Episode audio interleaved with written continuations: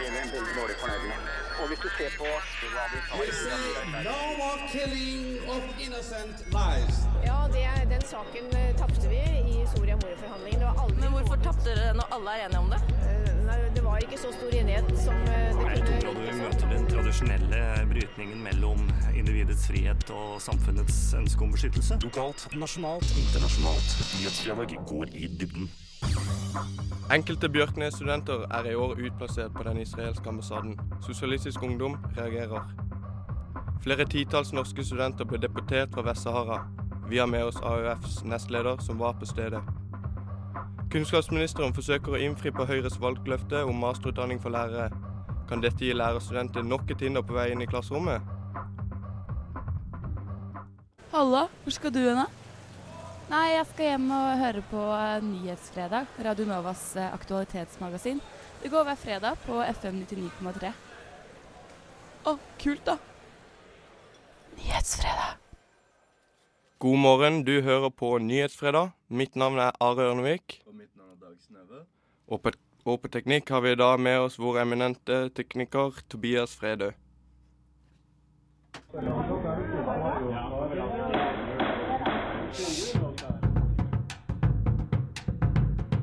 Nyhetsfredag. Nyhetsfredag.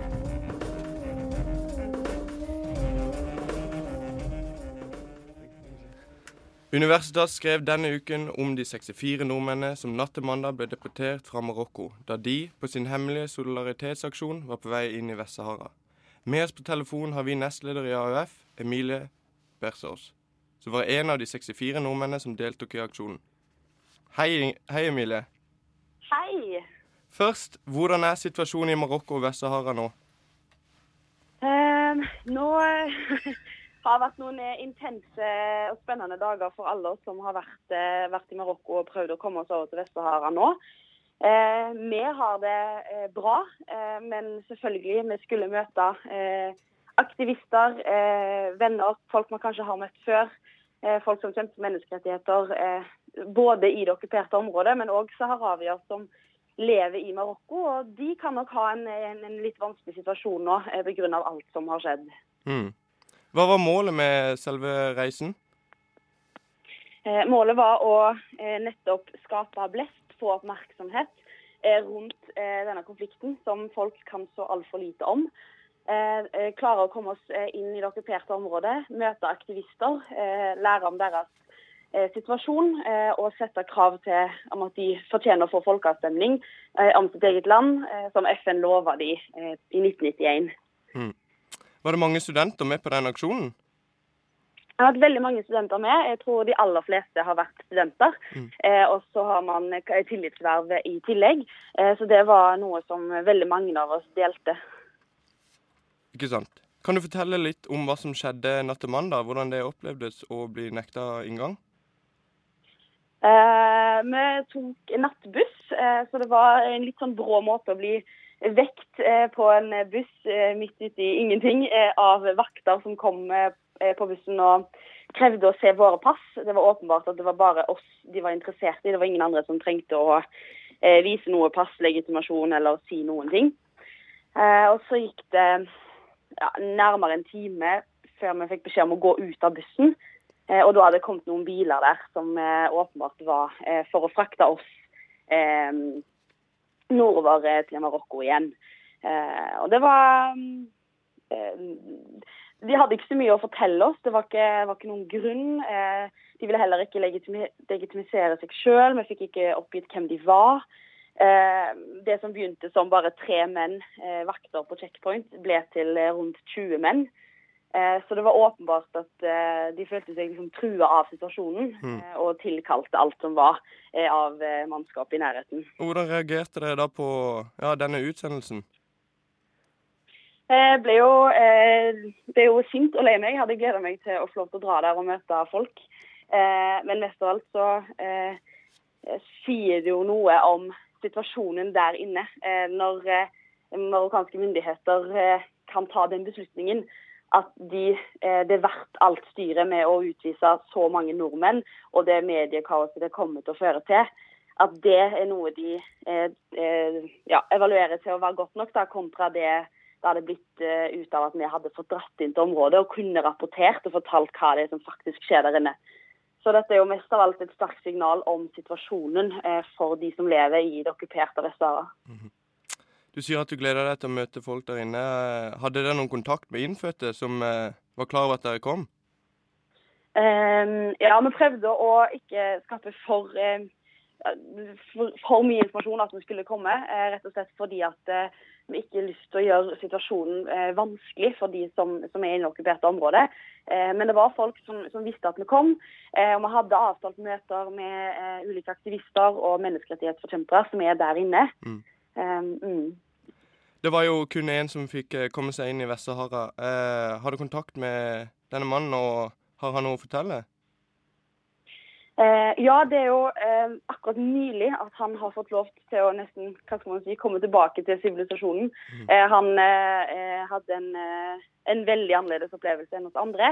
Eh, men vi har alle sammen en dialog på Facebook og har snakka sammen og delt våre opplevelser. og Vi skal nok sikkert møtes igjen når alle er tilbake i Norge. så da får jeg nok høre litt mer om hvordan det har vært for ham. Denne solidaritetsreisen den var jo hemmelig, som du forteller. og ja, Kan du forklare litt hvorfor nettopp det var så viktig? Først og fremst så er det viktig fordi at eh, de vi skal besøke, eh, de eh, kan få enorme konsekvenser av at vi skal komme på besøk eh, og møte dem. Eh, de, eh, vi er aldri i den type faren ved å dra der. men de vi skal møte, de som jobber for menneskerettigheter og som kjemper for å få ut informasjon om situasjonen og okkupasjonen, eh, de står i enorm fare for å bli fengsla, eh, miste jobben, overvåking eh, der inne. og Derfor er det så enormt viktig at det nettopp er hemmelig da, at vi skal inn der for å beskytte de vi skal møte. Men i tillegg fordi at hvis marokkanske myndigheter hadde på forhånd visst at det skulle komme, så hadde vi heller aldri sluppet inn. og det var jo det som ble resultatet etter hvert nå, når det kom så mange. Ikke vel. Eh, Asria Taleb Mohammed, som selv er en lokal, eh, mener at utsendinga er et tydelig signal på Marokko, at Marokko har noe å skjule. Eh, hva tenker du om det? Definitivt. Eh, det er jo det det viser når eh, de vil vurdere det til mer trygt for de å, å utvise over 60 nordmenn enn å la de komme inn og kunne rapportere på det som faktisk skjer der inne. Så det er et veldig sterkt signal om at det foregår noe der inne som Marokko ikke vil at noen andre skal få vite om. Eh, så nå har vi et enormt ansvar med å fortsette å få ut den informasjonen som er der, eh, få opp kunnskapsnivået Sånn at vi kan eh, kreve eh, mer, eh, og kreve at Norges rolle skal være sterkere internasjonalt når vi snakker om Vest-Sahara. Mm. Du sier at det er viktig å få frem kunnskapsnivået om konflikten. Erik Hagen, leder for støttekomiteen for Vest-Sahara, uttaler at denne konflikten blir neglisjert og, og, glemt. Hva tenker du skal til for at nordmenn, for, nordmenn får opp øynene for konflikten mellom Marokko og Vest-Sahara? Mm. Nei, Først og fremst så er det jo viktig at eh, vi som eh, er veldig engasjert i saken, eh, tar ansvar for at andre skal kunne få den informasjonen og kunnskapen eh, som vi har, og som vi er så heldige på å kunne få gjennom reiser og, og møter med aktivister. Eh, men må, eh, vi må òg få media mer på vårt lag. vi har fått mye media denne uken her. Forhåpentligvis har det sørga for at flere mennesker har, har fått mer kunnskap om denne konflikten. Men det, her er det rett og slett eh, Man må kunne snakke om det, eh, dele det man vet. Eh, og ja, Blar man i skolebøker eller diverse andre ting, så står det ingenting om denne konflikten her. Folk vet knapt at Vest-Sahara er et eget land, og hvordan historien er. Man forbinder det som en del som er vest i Sahara-ørkenen. Så her må man begynne ganske tidlig med å prate om ja, hvordan eh, kontinentet Afrika er, eh, og hvordan historien har vært og utspilt seg. Mm. Har du noen tips til studenter hovedsakelig som ønsker å bidra? Eh, først og fremst så eh, bli gjerne medlem eh, eller støtt, eh, støttekomiteen for Vest-Sahara. de gjør en enormt viktig jobb med å nettopp å få ut kunnskap, men òg gi det de kan av hjelp til mennesker som lever i det okkuperte området. men òg til mennesker som lever i flyktningleirene. Det var jo veldig mange av befolkningen som dro på flukt når eh, den okkupasjonen starta for 40 år siden. Eh, så blir eh, støtt, Støttekomiteen for Vest-Sahara de gjør en enormt viktig jobb. Men det tror jeg kanskje er det aller viktigste akkurat nå. Å være med og øke kunnskapsnivået i Norge. Mm. Tusen takk for at du var med oss på telefonen. Emilie ja, Bersås. Takk for at jeg fikk være med. Nei, jeg syns det er uh, dårlig band, og så er det altfor dyrt. Og så holder jeg meg egentlig mest mulig unna alt som har med sosiale ting og samfunn og studenter å gjøre. Nyhetsfredag gir deg studentlivet. Kunnskapsministeren forsøker å innfri på regjeringens løfte om å innføre masterutdanning i praktisk-pedagogisk utdanning, og dermed sette ny rammeplan for landets største lærerutdanning. Kravet skal gjelde fra 2017 og vil ramme de fremtidige allmennfaglige lærere på 5. til 13. trinn. Med oss i studio har vi Elin Kirkeby Granlund fra Akershus Unge Høyre. Velkommen. Tusen takk. Først og fremst, Elin, hva er tanken bak dette forslaget? Um, først og fremst så er det jo helt avgjørende for elevene at lærerne er gode nok. Eh, og når vi vet at læreren er den viktigste enkeltfaktoren i klasserommet, så er det utrolig viktig at læreren er god og stødig i faget sitt. Eh, og det er umulig en dårlig ting at de som skal lære bort kunnskap til elevene, bruker tid på å gjøre seg oppdatert. Eh, Norge er det landet i verden som bruker mest penger per elev, og likevel så har vi middelmådige resultater. Eh, hele 40% av norske elever går ut av norsk grunnskole med karakteren 1 eller 2 på matteeksamen. Og det bekymrer meg, så derfor syns jeg det er helt fantastisk at lærerutdanningen styrkes slik den gjør nå. Men mener du altså Høyre at mangelen på kvalitet i norsk skole bare skyldes at læreren ikke har nok utdanning? Eh, det er selvfølgelig flere faktorer som spiller inn. Eh, men når det viser seg at det å ha en dårlig lærer i klasserommet har negativ effekt på elevene, og at det ville vært bedre at det ikke var noen lærer der i det hele tatt, så sier det seg selv at dette er et problem vi må ta raskt tak i. Eh, som sagt så er jo læreren den viktigste enkeltfaktoren i klasserommet, så eh, det er derfor svært viktig å styrke utdanningen til lærerne. Roar Ulvestad, som er tillitsvalgt i Utdanningsforbundet, mener den tidlige innføringen av dette her kan komme for brått på for de som tar lærerutdanning nå. Forstår du denne kritikken? Uh, det at kravene stilles tidlig, ser jeg egentlig på som en svært positiv ting, slik at man kommer i gang uh, så raskt som mulig. Det settes jo krav til elevene hver eneste dag, så uh, derfor burde elevene kunne forvente Eh, at det også settes krav til læreren om at han eller hun er oppdatert i det faget de lærer bort. Og det er helt avgjørende for at dette skal bli en realitet, at man iverksetter dette med en gang. Eh, masteren gir jo lærerne større innsikt i forskning og utdanningsarbeid. Eh, og Utdanningsforbundet har jo lenge ønsket at dette skal eh, bli et krav, altså master, og nå har de endelig da fått det. Innen 2020 så regner man med at man vil mangle 23 000 lærere, og 40 000 yrkesaktive med kompetanse har allerede forlatt læreryrket.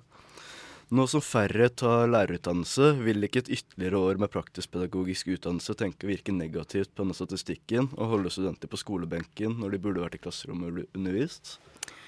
Eh, jeg tenker det at Om man stiller krav, eh, så får man de beste. Og norske elever fortjener en lærer som har grunnleggende kunnskap i basisfagene og kan faget sitt ordentlig.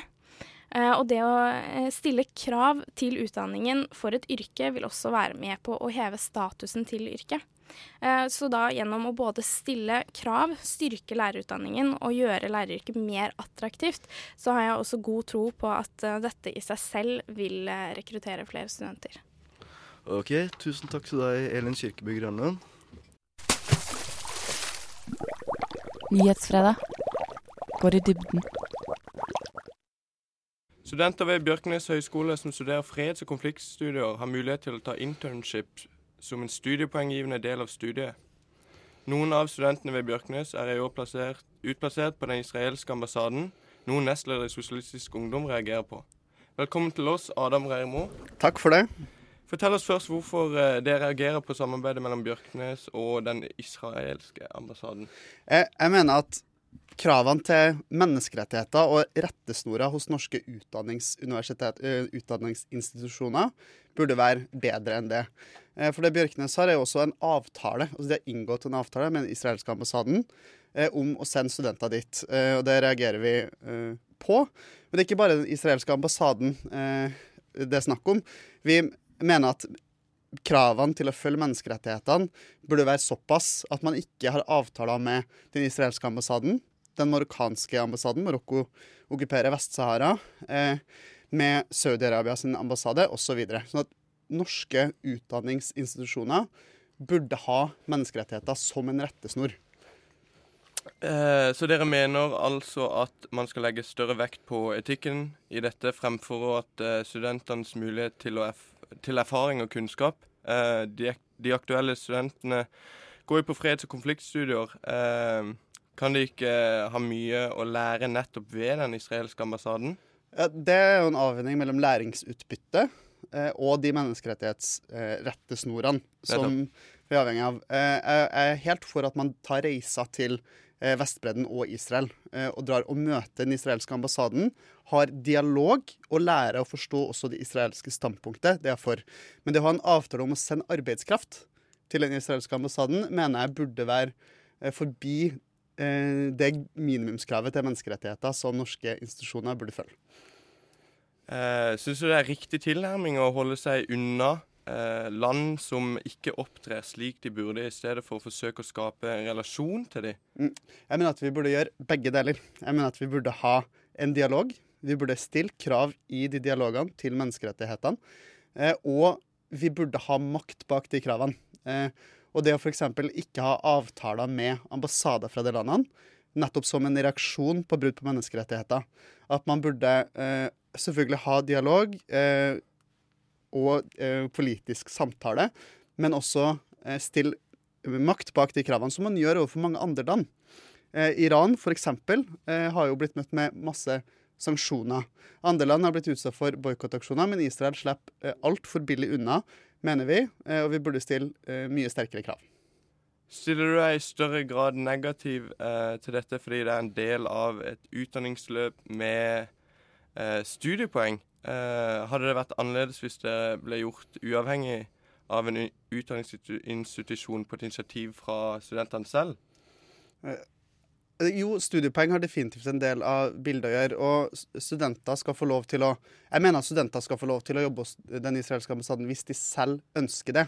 Men det er det at man har en avtale mellom institusjonen og, og ambassaden, eh, i tillegg til de studiepengene som du nevner, som vi reagerer på. Mm. Så det at studenter selv skal kunne ta kontakt med ambassader, ha dialog, eh, søke om å ta praktikantplass for den saks skyld, det skal ikke vi nekte noen som helst. Men det at det er et institusjonalisert samarbeid, mener vi er, eh, er ikke Det er ikke den rettesnora som norske institusjoner burde ha. Eh, du nevnte i stad Vest-Sahara eh, er det, og Marokko-konflikten. Er, er det andre land dere mener at norske studenter burde la være å dra til og, og samarbeide med? Hvor, hvorfor eh, disse landene i så fall? Nei, det, nå er det ikke sånn at jeg mener at jeg sjøl har en liste med hvilke land som, eh, som vi ikke burde ha samarbeid med. Men jeg mener at institusjoner burde ha rettesnorer som følges. Eh, og jeg mener at Marokko er et godt eksempel, for det er en annen okkupasjonsmakt. Eh, som det har vært mye fokus på den siste tida pga. en eh, aksjon eh, i regi av en del organisasjoner. Eh, Iran, Saudi-Arabia er andre land som jeg mener man burde se på med den samme måten. Og vi hadde også reagert på samme måte, fordi vi mener at det er over den grensa for hva som er akseptabelt for norske institusjoner. Eh, hvis man får muligheten til et internship på en ambassade, mener dere at man burde takke nei dersom man får eh, plassen som tilbys, eh, f.eks. ved den israelske ambassaden? Eh, Det får være helt opp til den enkelte. Eh, Det jeg er opptatt av, er nettopp eh, institusjonene sin formaliserte samarbeid. og nettopp det å ha en avtale og gi studiepoeng for de ambassadene. Og Det kan være et tydelig signal fra norske institusjoner å si at vi vil gjerne at dere tar internship ved ambassader i Norge, men vi har noen etiske krav som vi stiller til de landene som dere skal være hos. Sånn at dere får ikke studiepoeng for de her og de her, f.eks. Okay. Som en reaksjon. Mm. takk skal du ha for at du kom hit i dag, Adam Reirmo. Takk for at jeg fikk komme hit. Det var veldig hyggelig. Eh, miljø og klima har preget store deler av media i 2015, og det er stor enighet i den norske befolkningen og blant politikere at vi må bli mer miljøbevisste. Men kan vi studenter tro på hvordan alt blir fremstilt i media? Kveldens program duker for debatt mellom klimarealistene og Miljøpartiet De Grønne. Um, uh, emneknaggen? De er enige om at klimaet endrer seg, men om det skyldes menneskeskapte handlinger eller naturlige endringer, er de vidt uenige om. Med oss for å diskutere om søppelsortering og elbiler er unødvendig eller nødvendig, har vi tidligere leder av Klimarealistene og nåværende redaktør av magasinet Klimanytt, Ole Henrik Ellestad, og bystyremedlem i Miljøpartiet De Grønne Oslo, Eivind Trædal. Velkommen begge to. Takk, takk. Eh, begrepet det grønne skiftet, Eivind, er blitt godt brukt det siste året. Eh, kan du forklare hva det betyr, og hva innebærer det egentlig? Ja, det er jo et uh, slags uh, slagord som man uh, må fylle med mening. og det er det ikke alle som har klart. Og vi i Det Grønne mener jo at det betyr at vi er nødt til å slutte med de tingene som skaper klimagassutslipp og bidrar til klimaendringer. Og selvfølgelig også det som skaper unødvendig utryddelse av arter og ødeleggelse av natur. I Norge så har vi ganske miljøvennlig energiproduksjon, og vi har for så vidt en mer miljøvennlig eh, livsstil enn mange andre, men vi har også et veldig høyt forbruk. Og vi kjører mye bil, vi flyr mye, og så har vi nødvendigvis da en gigantisk oljebransje som vi er nødt til å gjøre noe med. Som allerede er i trøbbel nå, da, fordi olje ikke er fremtidens energi. Så for oss betyr det grønne skiftet at vi må bort fra olje, bort fra bilkjøring og flyving, i hvert fall på fossilt energi. Og vi må redusere det materielle forbruket vårt. Hva mener du om det grønne skiftet, Ole Henrik? Hva betyr begrepet for dere? Ja, jeg har jo jobbet mye med miljø, og det er mye som uh, kan gjøres for å bedre miljøet. Uh, klimarealistene er enig i det.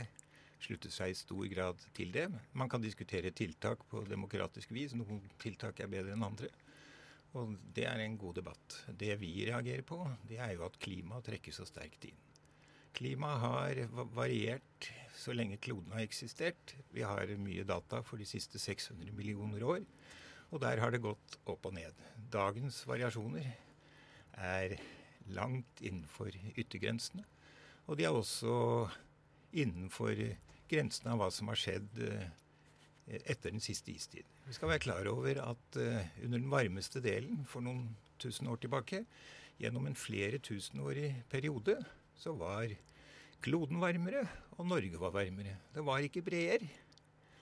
Og temperaturen var to til tre grader varmere. Og da var det faktisk slik beretningene og skal vi si, arkeologi og andre geologiske data viser, så var det bra og levelige forhold i Norge og på kloden. Så sånn sett så er jo ikke vi så redd for eh, bagatellmessige eller beskjedne endringer som skyldes uh, menneskelig påvirkning. Enten det er uh, at man lager jordbruksområde og dyrkningsmark av natur osv., eller uh, om man slipper ut litt mer CO2. Tross alt, CO2 og vanndamp, det er livets gasser. Det er det som gjør at det er liv på jorda. For du nevnte, Eivind, du nevnte mm. eh, flyving og, ja. og, bilkjøring og sånn. Eh, og CO2-utslipp. Men da, da, er det riktig å si at dere mener at CO2-utslipp er grunnen til klimaendringene? Ja, altså det er jo ikke en ideologisk standpunkt vi har inntatt, men det er jo den gjengse eh, oppfatning eh, blant forskerne på feltet, og vi støtter oss på det. Eh, nå er jo ikke jeg noen naturviter selv, eh, men jeg har jo forstått såpass at klimavitenskap nødvendigvis betyr å skille ut hva man skal si, unaturlige trender fra det som er naturlige sykluser. Altså det blir temperaturendringer fra natt til dag, fra sommer til vinter, og det er også istidssykluser. Og slik jeg har forstått det, så har man da klart å sortere ut en eh, ganske påviselig endring i klimaet på bakgrunn av CO2-utslipp. Og det er jo det som ligger til grunn for det man kan kalle den konvergensen eller uh, konsensusen som finnes blant forskerne i dag. Og jeg vil jo si Som, som politiker så ville det være ekstremt uansvarlig å uh, anta at det ikke stemmer. Det hadde selvfølgelig vært veldig bra hvis det ikke var noen uh, menneskeskapt påvirkning av klimaet. Da ville vi også hatt en enklere oppgave i å gjøre kloden bærekraftig. Men eh, samtidig så er det veldig uansvarlig, i hvert fall fra et politikkstandpunkt, å, å ignorere den eh, konsensusen som finnes blant klimaforskere i dag. Selv om jeg syns det er helt bra at folk kommer med kritiske eh, innspill til det.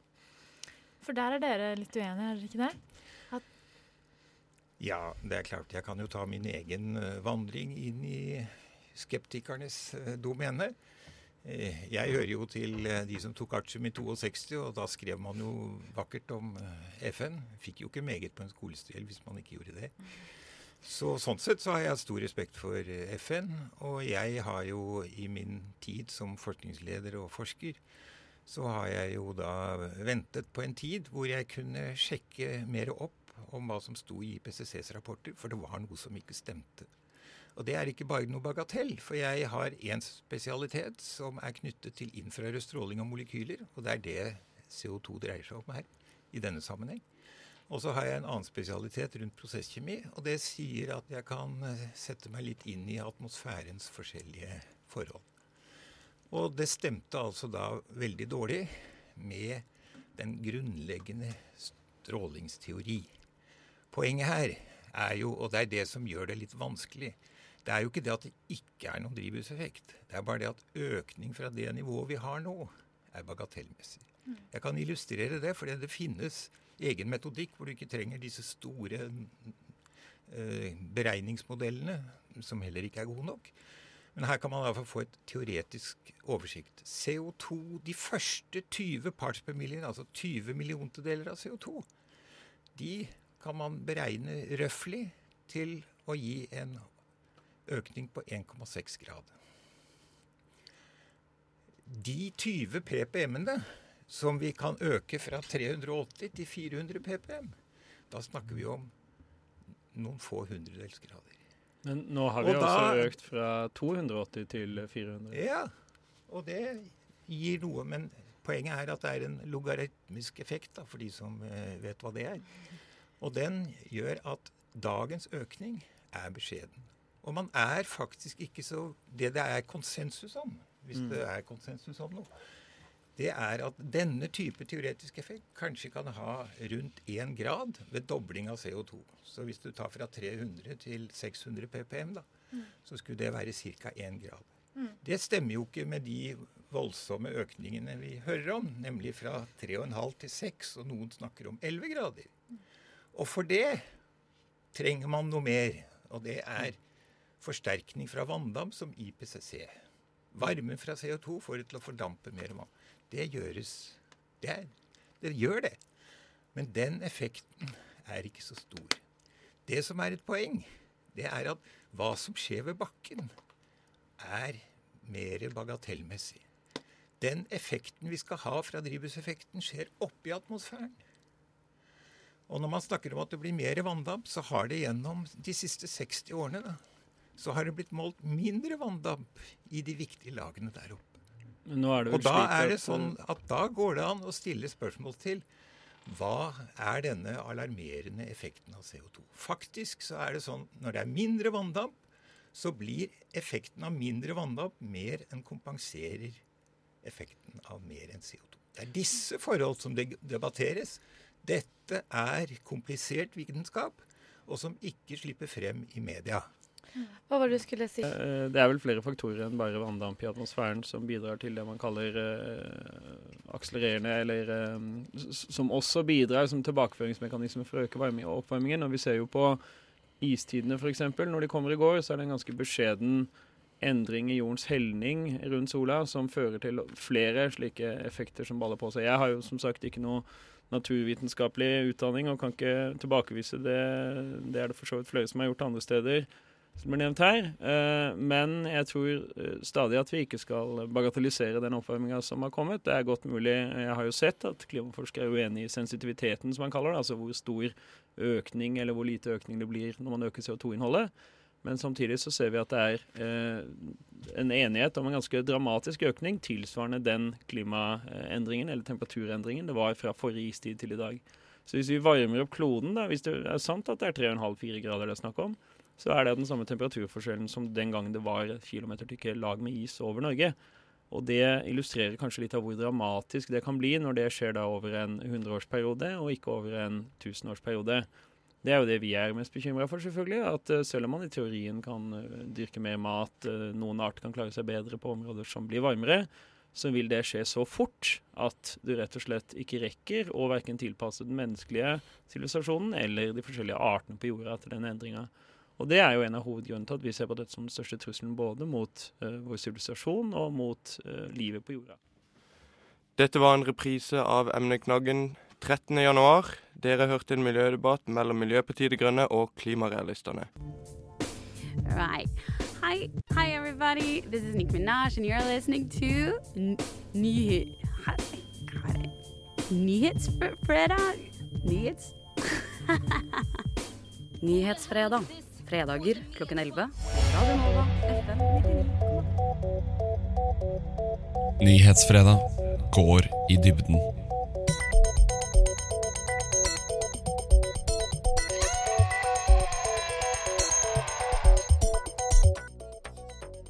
Studentfredag går mot slutten. Mitt navn er Are Ørnevik. Med meg i studio hadde jeg Dag Sneve, og på, tek og på teknikk hadde vi med oss Tobias Frede. Nå til lederen av Bjørnar Haugerud.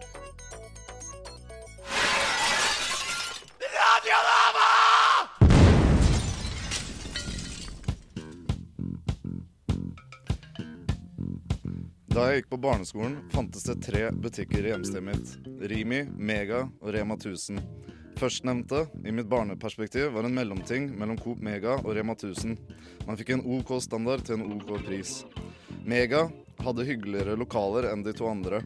De voksne sa det hadde høyere kvalitet. Men jeg visste ikke hva ordet kvalitet innebærte.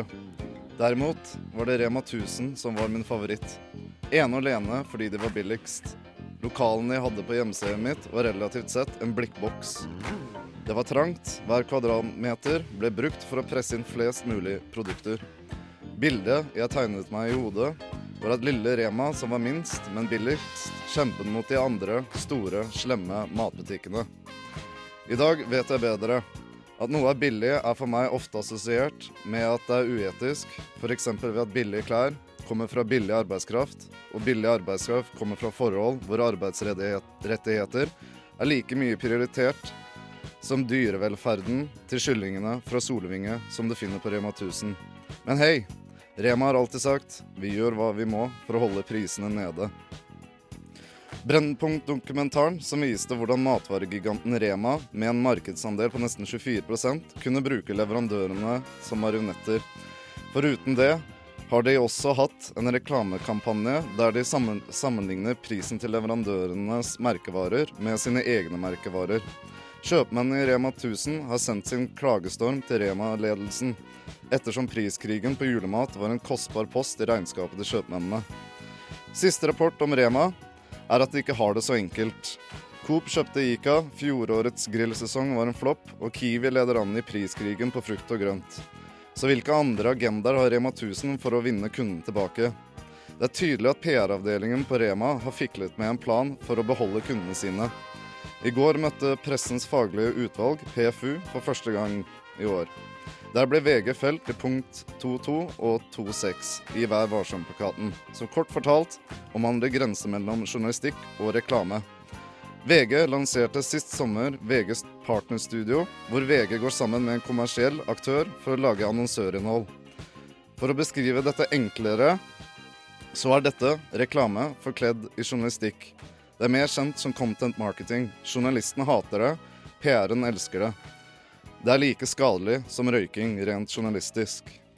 VG sine content marketing-tilnærmelser har blitt satt under søkelyset tidligere. Dommen VG fikk fra PFU i år, kom som et resultat av hjertebarnet Rema 1000 og VG har, VG familieliv. Googler du VG familieliv, så kommer du til en side hvor adblocken ikke fungerer, med trivielle nettsaker som 'Slik håndterer du andres rakkerunger', en knapp der du kan bestille gratis babypakker fra Rema, samt logoene til Rema 1000 og VG. Det er mer enn bare det som er forskjellen på VGs familieliv og vg.no. På denne siden er det fritt frem for å bruke virkemidler til å få deg til å velge Rema. Er du bevisst på content marketing, så går, du, så går det for så vidt greit. Men litt til sammenligning med en eldre generasjon som ikke forstår sosiale medier, så har vi en yngre generasjon som blir eksponert av dette nye annonsefenomenet. Det er ikke gitt at de forstår skillet umiddelbart. F.eks. er fontene helt, helt like på vg.no og VG familieliv. Content marketing begynner å anses som et nødvendig onde hos de kommersielle medieaktørene. Annonsemarkedet er dalende, men man må tenke nytt. Og reklamen står, og reklamen står klar idet man åpner vinduet for nye ideer. Riktignok må det modereres, det er ikke Reitan-gruppen som eier VG heldigvis, men det er ikke så spiselig at de er sponsorer heller. Et kommersielt medium til sengs med et heller tvilsomt matvrak. Får vi en fremtid med samarbeid mellom Dagbladet og Hennes og Maurits, eller Nettavisen og Sofie Elise? Det er greit at VG sier at samarbeidet VG Partner Studios har med de kommersielle um, aktørene, ikke skal ha noen innvirkning på det redaksjonelle. Men hvordan vil dette utspille seg når de som skal være samfunnets ypperste kritikere, er kritiske mot aktøren som sponser dem? Ville Rema 1000 inngått en samarbeid med VG dersom det var VG som hadde dokumentaren om hylleplassering? Hva vil, hva vil, skje dersom mediene blir avhengig av å få inntekter av, fra slike samarbeid? Vil matvaregigantene velge mediehusene som ikke lager kritisk journalistikk om matvarebransjen? PR-byråer som velger mediehus som ikke skriver om politikere? For min del synes det er trist å assosiere VG med Rema 1000. Og jeg håper så inderlig vi ikke får en fremtid hvor matvaregigantene eller andre store næringsaktører bruker mediene som marionetter. Money talks. Det er jo derfor jeg handler på Coop Extra. Det er jo billigst. Og hvis du bruker denne rabattkoden Nei da. God helg.